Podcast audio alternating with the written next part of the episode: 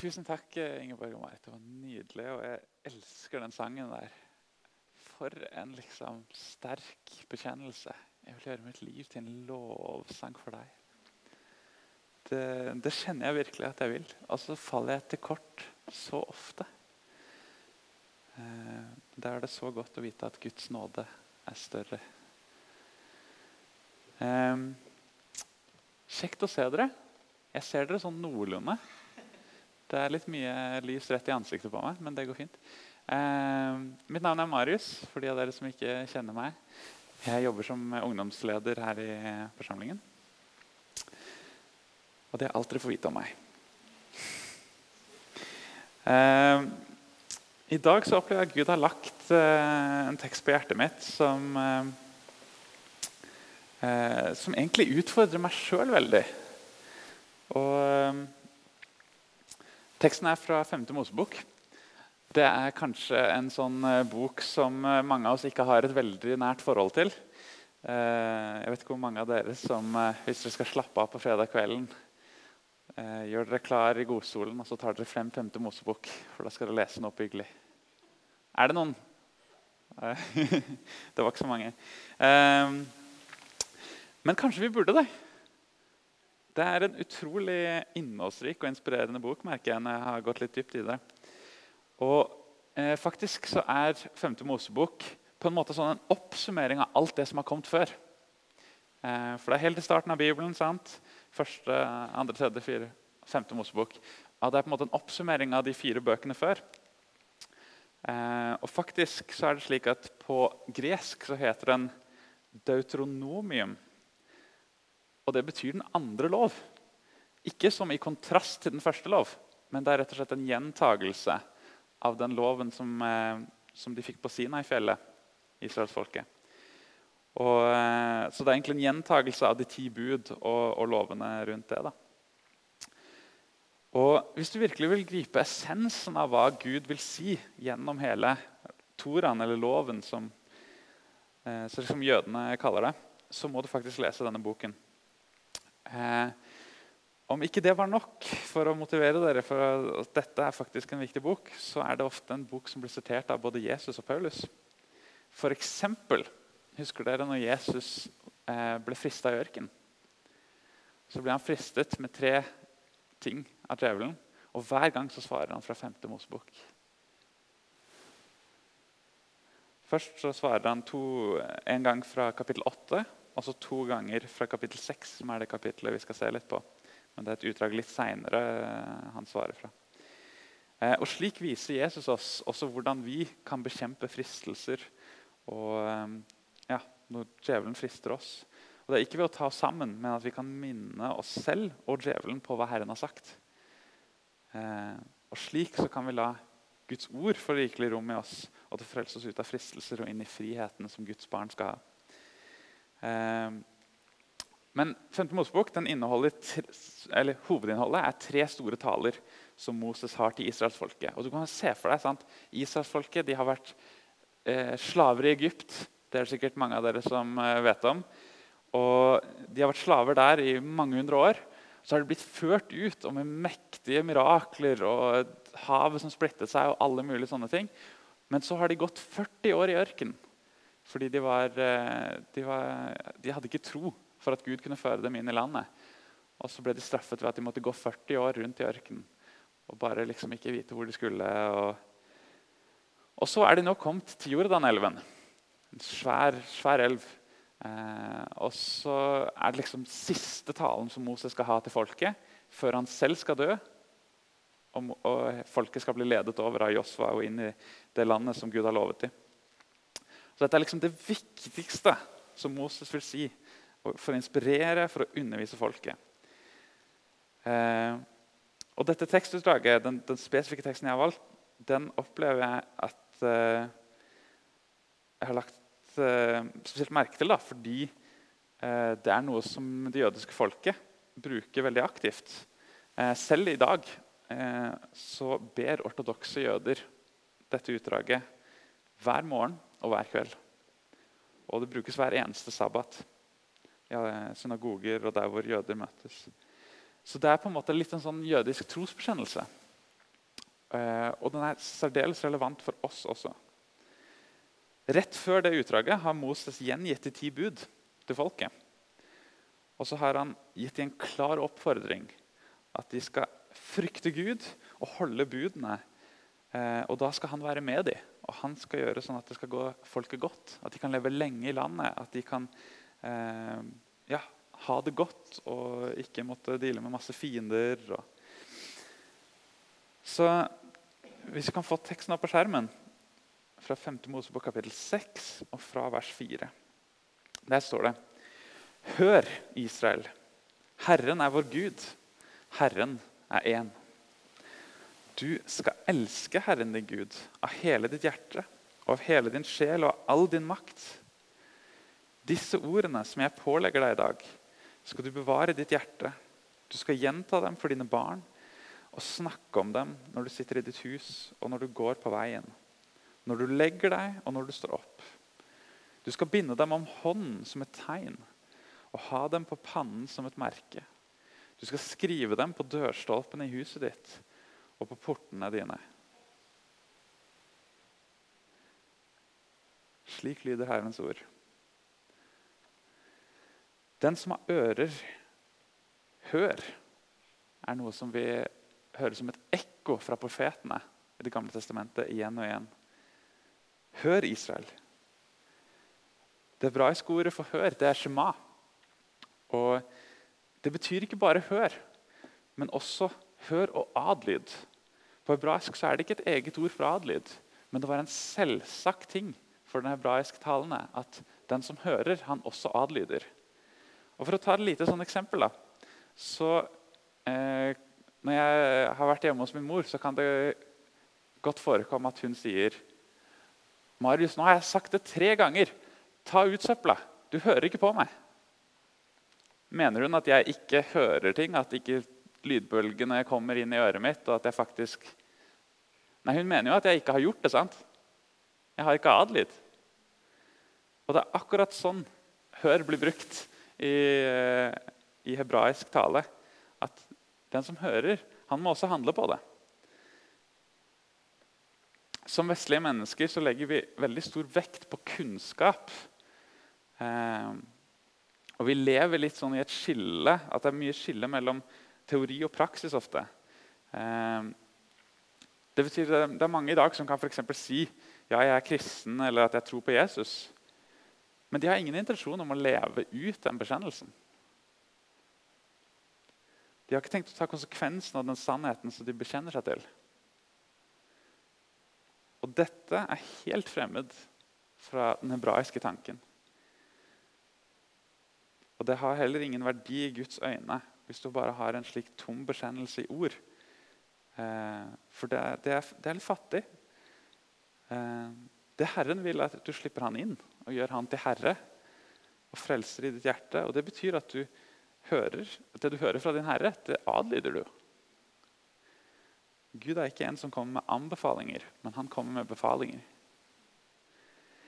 Og Det er, litt, det er derfor Jesus sier i Johannes 14 og vers 21 Den som har mine bud, sant? Som har de, og holder de Holder betyr at du lever etter de. Han er den som elsker meg. Den som både har og holder mine bud. Han er den som elsker meg. Og Så kan noen kanskje tenke, for det står 'Hør Israel', at dette, var, dette er ikke adressert til oss, dette er adressert til Israels folk. Eh, men Paulus viser i Romerbrevet kapittel 11 hvordan vi som ikke er født jødiske, vi er blitt podet inn, sier han. Altså, vi er blitt en del av, av Israel på en måte. Eh, at nettopp eh, dette er det som gir oss tilgang til både håp og frelse. Han, eh, det vil ikke si at Israels folk er irrelevant, men at det, kirken er eh, Kirken er blitt en del av Guds utvalgte folk. på en måte.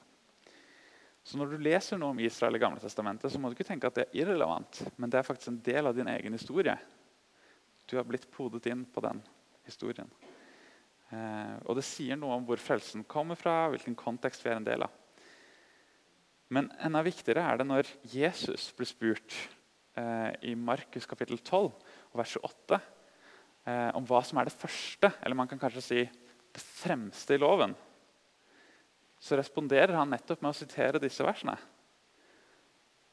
Og så legger han til at det andre er at du skal elske din neste som deg selv. Og Dermed dekker han også de siste seks av de ti budene. De første fire handler om vårt forhold til Gud. Og de siste de handler om vårt forhold til andre mennesker. Og Så står det videre om dette med at Herren er vår Gud. Herren er én. Eh, det er som et ekko av det første budet. Hvor det står 'Jeg er Herren din Gud, som førte deg ut av Egypt', ut av slavehuset. Du skal ikke ha andre guder enn meg. Jeg tror svært mange av i dag føler at dette budet er litt sånn uaktuelt. Fordi vi tilbyr jo ikke avguder som er lagd av, en eller annen trerot. liksom. Eh, men tingen er at alt det som du og jeg elsker høyere enn det vi elsker Gud, det blir en avgud. Alt det som du lar fange din oppmerksomhet, eh, alt det som fanger din fantasi, det som du setter din tillit til, om det måtte være penger, mennesker eh, Alt det som du bygger din trygghet på, og alt som du eh, har som din største glede. Alle disse tingene kan være som avguder for oss. Herren er vår Gud. Herren er én. Det er han som er vår Gud ingen andre. Eh, og Herren han, han, gjør her et oppgjør med politismen, som var at det var, i den tida så tilba man flere guder, hvor det var en for vind og en for uh, avlingen og solgud osv. Uh, og en av de litt mer uattraktive delene av den kristne lære for, særlig for vår tid da, og sekulære mennesker, er at den, er, den, gjør krav på å være absolutt sant. Det er kun én Gud, og han er sannhet. Eh, men vi lever i en verden som elsker relativisme. Der du kan ha din sannhet, så kan jeg ha min sannhet, og så lever vi i en sånn derre eh, Ingen blir tråkket på tærne, ingen blir fornærmet. Men i en slik verden så er Jesu utsagn at jeg er veien, sannheten og livet det er faktisk direkte støtende. Det går imot det helt grunnleggende av hva folk tror på i dag. Og Derfor så er det litt sånn et paradoks, fordi kristendommen er på den ene siden det mest inkluderende og tolerante livssynet som egentlig du kan tenke deg. Fordi Jesus sier at 'den som kommer til meg, vil jeg aldri støtte vekk'. Jeg vil ta det til meg. Alle er velkomne til Jesus. Uavhengig av rase, bakgrunn, økonomi. Det er, det er, ikke krav for å komme til Jesus. Samtidig så er den mest ekskluderende. Fordi Jesus sier det finnes kun én. Én Gud, én vei, én sannhet. Og det er jeg, sier Jesus. peker han på seg. Så det vil si at det støter muslimer, det støter alle, egentlig som ikke tror på Jesus. Altså, Det er inkluderende i, sin invitasjon, men også en veldig smal vei. Videre så, så leser vi i 5. Mosebok at uh, Vi leser at du skal elske Herren din Gud av hele ditt hjerte, av hele din sjel og av all din makt et av de to store budene som Jesus trekker fram, som er oppsummeringen av, av alt som er Guds vilje for oss.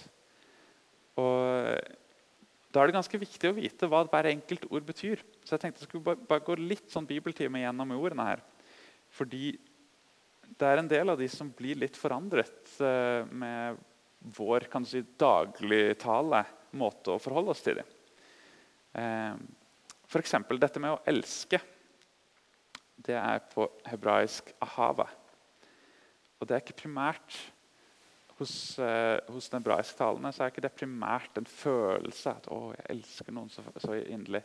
Men det handler om en eh, forpliktelse og handling. Eh, og dette ser vi veldig tydelig i ekteskapspakten. Sant? At Eh, og jeg vil faktisk si det at det å f.eks. Eh, leve som samboere Det er ikke ekte kjærlighet.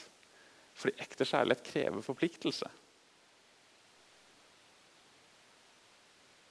Du har ikke gitt deg sjøl helt til din partner hvis du ikke også har måte, hvis det ikke er løfter til deg. sant? Da holder man egentlig liksom bakdøra litt sånn på gløtt. Ja, jeg skal elske deg, men hvis det kommer noen bedre, så er jeg klar.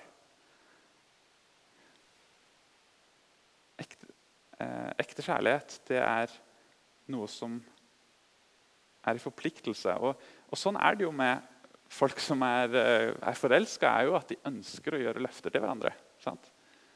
'Jeg skal alltid elske deg. Du er den eneste for meg.' Har dere hørt det før? Det er helt naturlig det, for de som kjenner på kjærlighet. Eh, for, nettopp fordi kjærlighet er handling, kjærlighet er forpliktelse. Og så er det dette å elske av hele sitt hjerte. Eh, og Dette er kanskje den største tingen som er litt annerledes for oss. For vi tenker hjerte, sant? og det er følelser. Det er liksom eh, ja, det er sentrumet for følelser i, i, vår tanke. Mens i hebraisk tanke så er det faktisk mye større enn det. Det er også følelser. Men har, på, på, den ene siden så har du på en måte det fysiske hjertet. sant? Det, det skjønner vi alle, den som pumper blod og, og sånn. Eh, men det er også tanken. Så du kan kjenne med ditt hjerte, du kan vite med ditt hjerte. I ditt hjerte bor det visdom, ifølge Bibelen. Og så er det dette med følelser. sant? Eksempel, eh, Hanna som var barnløs, og hvor det står at hun var brukken i hjertet. Et brukkent hjerte det er noe som kommer fra Bibelen. Det uttrykket. Og så er det dette med vilje. Og vilje er noe annet enn tanke. At, at du setter for deg at, du, at dette, er jeg, dette, er noe jeg, vil, dette er noe jeg ønsker. For så kan vi lese om at det lå David på hjertet å lage et hus for Herren. Og så ble tempelet lagd. Men hjertet inneholder liksom hele din essens, ditt indre.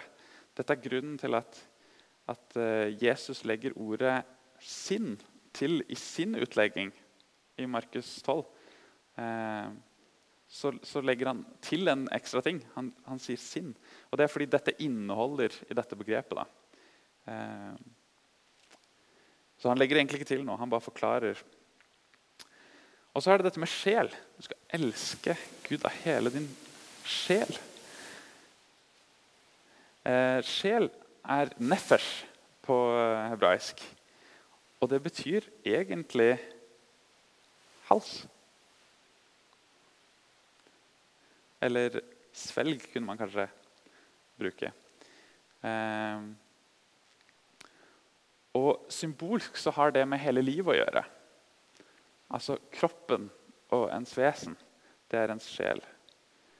Ehm, men vi tenker nok gjerne sjel mer som en sånn gresk tanke. At sjel er liksom det som ikke er fysisk, og som vedvarer. Og Det er en, det er en sånn tanke også på hebraisk, men det er liksom mer knyttet til livet. da. Ehm, så det å elske Gud med sin sjel er å elske med hele kroppen med hele livet og med alle de tingene livet ditt inneholder. Og hva er det livet ditt inneholder? Jo, det inneholder øyeblikk. sant? Akkurat nå er du i et øyeblikk. Hvordan ser det ut å elske Gud i dette øyeblikket? Det er et godt spørsmål, syns jeg. Og jeg husker eh, Et av de spørsmålene som virkelig påvirket meg i liksom min, eh, ja, min måte å tenke på Gud, var at jeg spurte meg sjøl hvordan ser det ut å elske Gud når jeg er på do. Jeg har sagt det før, tror jeg. Hvordan ser det ut å tilbe Gud på toalettet? Det må jo gå, det. Det er å elske Gud i hvert, hvert øyeblikk av livet. Det er å elske Gud med sin sjel. Eh, og så er det makt. Elske Gud med all sin makt. Eh, makt er meod på hebraisk. Og det handler om ditt velde, din styrke, din energi, Eh, Paulus sier dette. Alt du gjør, gjør det til Guds ære. Sant? Med alt, med hele deg, med din styrke. Eh, og Paulus sier også til slaver Eh, vær ikke øyentjenere som bare vil gjøre mennesker til laks. Men som kristne tjenere så dere gjør Guds vilje av hjertet. Her kommer igjen hjertet inn. sant? Og gjør deres tjeneste med villig sinn, som for Herren og ikke for mennesker. Og Sånn ser det ut.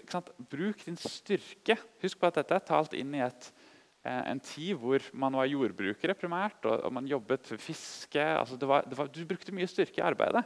Sant? Hvordan ser det ut å elske Gud med styrken din? Hva med styrken din eh, Styrken din på eh, altså Når du ser noen, noen som eh, lever urett at eh, En urett som begås La oss si at du hadde gått nedover gata her og du så at det var en eh, kvinne som ble overfalt av to menn. Hvordan ser det ut å elske Gud med sin styrke? Det inneholder også økonomi, for det er en del av dine ressurser. Hvordan ser det ut å elske Gud med din økonomi? Vi skal bruke den styrken vi har til å elske Gud ved å gjøre det som er godt. Og så eh, og så, så, går egentlig teksten videre i liksom, hvordan ser dette praktisk ut. da? Da sier eh, Moses disse ordene som jeg pålegger deg i dag, skal du bevare i ditt hjerte. Du skal gjenta dem for dine barn og snakke om dem når du sitter i ditt hus og når du går på veien, når du legger deg og når du står opp. Du skal binde dem om hånden som et tegn og ha dem på pannen som et merke. Du skal skrive dem på dørstolpene i huset ditt og på portene dine. Noen eh, ortodokse jøder gjør jo dette bokstavelig de skriver det på portene, og sånt nå, og så har de et, et sånt eh, ting som de binder rundt med bibelversene på. Og de har i pannen som pannebånd. Eh, jeg, jeg, tror ikke det er det som, uh, det som, helt menes her. Poenget er jo at man skal leve i, i ordene. Du skal bevare det i ditt hjerte. Ok, Hvordan ser det ut? Jo, du gjentar de for barna. Du snakker om det mens du går langs med veien. Og så skal du både, både når du legger deg, og når du står opp, så skal Guds ord være i ditt hjerte, og du skal ha det på din munn.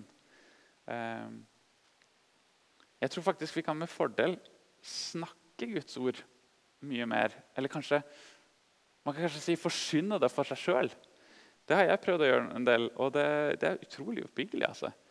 Eh, også, vi hadde en eh, samling med noen av lederne på, for gruppene, bibelgrupper og sånn. Eh, og Da var det en som nevnte det at liksom, det er så godt å lese Bibelen høyt sammen. Det er et eller annet med det å si det som bare det er sånn kraft i det. Det å høre det, ikke bare liksom lese det inni seg. Og jeg tror det er noe i det, for det står noe med det at, eh, at troen kommer ved å høre Kristi ord, står det i Romerbrevet. Så la oss gjenta det for oss sjøl. La oss meditere på det. Eh, eller som, som, noen har sagt, at vi drøvtygger det. Hvordan, hvordan ser det ut? Drøvtygge Guds ord? Jo, det er at du liksom mumler det. Sant? Det får lov til å være i munnen din en stund. Eh, og Det er det som det snakkes om her. Og så er det binde det om hånden. Sant? Hvis du ser Jeg har en klokke.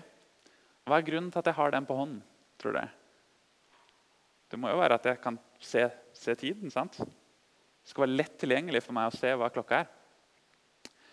Og akkurat sånn vil Gud at det skal være. Det skal være lett tilgjengelig for deg å lese Hans ord og bli oppbygd av det. Og så står det som et tegn på pannen. Men pannen ser jo ikke jeg. Hvorfor, hvorfor skal det være tegn på pannen? For det er jo alle andre ser pannen. De ser ikke på klokka mi. Men hvis jeg hadde en klokke her, så hadde jo alle sett hva tiden var. Sant? Akkurat sånn skal Guds ord det skal være så tydelig at alle ser det. Og jeg bare tenker på um, i dag Da er det så lett altså, at vi på en måte vi gjemmer oss. Og på jobben så er det nesten sånn vi vil ikke liksom vite at folk skal vite at vi er kristne. og Vi endrer uh, CV-en vår, sånn at uh, bibelskolen den tar vi litt vekk. Og så, ikke sant? Og så er det liksom Jeg er litt usikker på om det er det som Gud vil. altså. Jeg tror kanskje vi kan være frimodige å si at vet du hva, jeg tilhører Gud. Sant? Er det tydelig for folk at du tilhører Gud? De som kjenner deg på arbeidsplassen, de som du møter i sosiale settinger.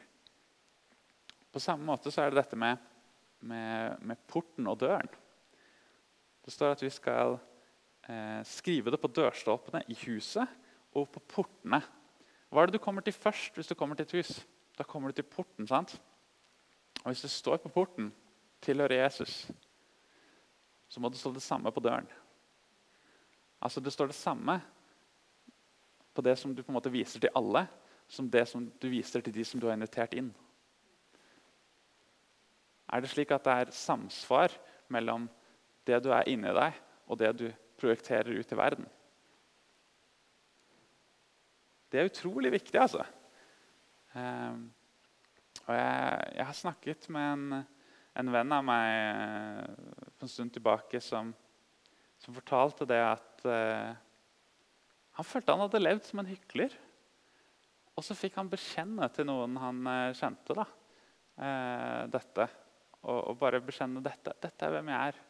Jeg, har, jeg lever i den og den syden. Og, og jeg, jeg, sånn og sånn holder jeg på med. Og så bare kjente han seg så letta etterpå. Han kjente seg så full av glede. Fordi da, da slapp det på en måte den byrden sant? av å prøve å late som at man er noe man ikke er. Å leve i det der spennet hvor egentlig så er det ganske stor forskjell mellom hvem du virkelig er, og hvem folk tror du er, og hvem du prøver å liksom vise ut. Det er så slitsomt. Ikke lev sånn. Jesus inviterer oss til at Eh, han sier, 'Kom til meg, dere som strever.' Og jeg vil gi dere hvile. Og den hvilen han gir, er nettopp den hvilen som vi får i sannheten. Når livet vårt eh, får lov til å være i lyset. Og eh, Jeg hadde en sånn erfaring sjøl for noen, eh, noen, år siden hvor jeg egentlig bare levde i mørket på et område av livet. Jeg bare holdt skjult fra alle som, som kjente meg. og Eh, og egentlig hadde det skikkelig vondt med meg sjøl. Jeg var veldig skamfull.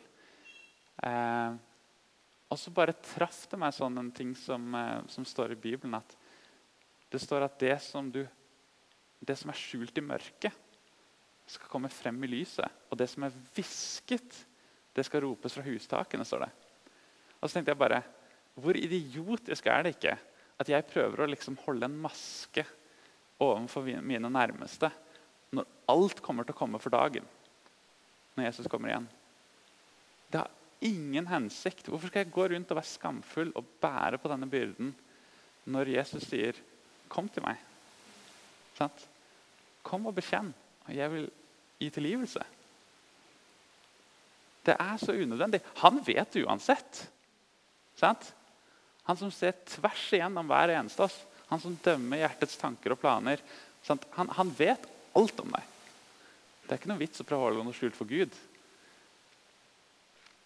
Hvorfor gå rundt og, og, og holde på de byrdene? Eh, og det, det, ga meg frimodigheten rett og slett, til å, å, bekjenne overfor en god venn. Og så ble det starten på å endre, eh, endre veien. da.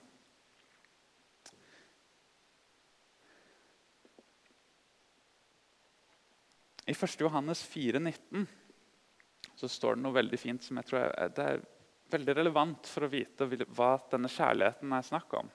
Sant? Vi skal elske Herren Gud av hele vårt hjerte, hele vår sjel og all din makt. Så står det vi elsker fordi han elsket oss først. Hvordan kan du elske Gud av hele ditt hjerte? Jeg kan ikke det. Hvordan kan du elske Gud av hele din sjel og all din makt? kun ved å først se hvor høyt han har elsket oss. Eh, og det er den kjærligheten som på en måte Det gir en respons i vårt hjerte og vekker vår kjærlighet tilbake til Gud. faktisk. Eh, og Dette ser vi også i måten de ti blud blir introdusert. Eh, for der står det faktisk Der sier Gud 'Jeg er Herren din Gud, som førte deg ut av Egypt, ut av slavehuset. Så han starter de ti bud med å minne om jeg satte deg fri. Jeg har satt dere fri. Jeg viste trofast kjærlighet. Før dere gjorde noe som helst, så viste Gud trofast kjærlighet. Han gjør det lenge før han krever noe som helst form for lydighet. Eh, og Gud blir først beveget derfor av sin egen kjærlighet til deg og meg, til sitt folk. Eh, eller rettere sagt hans barmhjertighet. For barmhjertighet er kjærlighet som, som, er vist i handling. Og På samme måte så ser vi at Paulus i sine brev, f.eks. efeserne, eller romerne eller kolosserne, så bruker han først noen kapitler på å legge frem evangeliet. Sant? Dette er hva Gud har gjort for dere. Dette er de gode nyhetene. Dette er at Jesus har gitt sitt liv frelse for dere eh, som vender om, og dere som tror på han. Men så bruker han resten av brevet på å si ok, dette er hvordan dere burde leve i respons. Og Det er som regel mesteparten av brevet som handler om nettopp ok, hvordan, hvordan bør dere leve i respons på disse gode nyhetene. Hvordan bør dere leve som om dere tror på det? Hvordan ser det ut å faktisk tro at Gud han tar vare på deg? ok. Hvordan lever du med økonomien hvis du ikke trenger å bare spare og spare og sørge for at jeg har full kontroll på alt, men faktisk tror at du er kjøpt av Gud, at han er den som forsørger deg? Ok, Da ser det ut sånn og sånn. Sant? Og da legger Paulus det ut. Og dette, dette, må dere lese på egen hånd. Jeg har ikke tid til å gå inn i det. Men, eh, men hvordan ser det ut å leve eh, i tro med det, som, det evangeliet vi har fått? da? Ser du hvordan Gud har elsket deg gjennom Jesus? Og ser du hvordan han har gått i lidelse og er til og med død for din skyld? La det synet drive ditt hjerte. Fylle det med kjærlighet til Gud ikke som en teori og ikke bare som en bekjennelse, men som praktisk kjærlighet som fører til handling. I den handlingen Gud eh, vil, er at, at, du skal bli Hans ord. At du skal gjenta det, at du skal la det forme hjerte, ditt hjerte og din sjel. og All din makt skal bli fylt av kjærlighet til Herren. Eh, og at du skal gå hans vei hver eneste dag inntil døden fører deg frem til himmelens porter, og fullkommen glede er blitt din.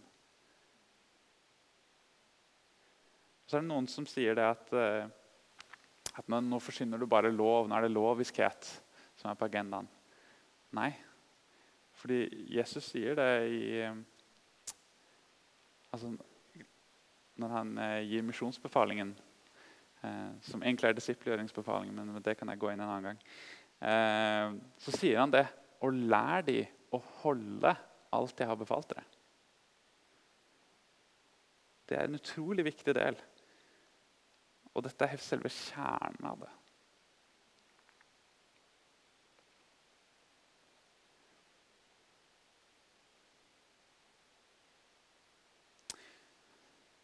Ja, elsker vi Gud på den måten som han er verdig vår kjærlighet? Han som ga alt for deg og meg. Er vi villige til å gi alt tilbake og legge alt ned på alteret fremfor han? Det står at, at vi er kjøpt og prisen er betalt. Og så tar Paulus en logisk konklusjon. Ja, bruk derfor kroppen til Guds ære. Har du latt det påvirke hjertet ditt, så du får loven skrevet her? At det ikke blir noe som du streber etter, men noe som som er levende. Dette vil Den hellige ånd hjelpe deg med.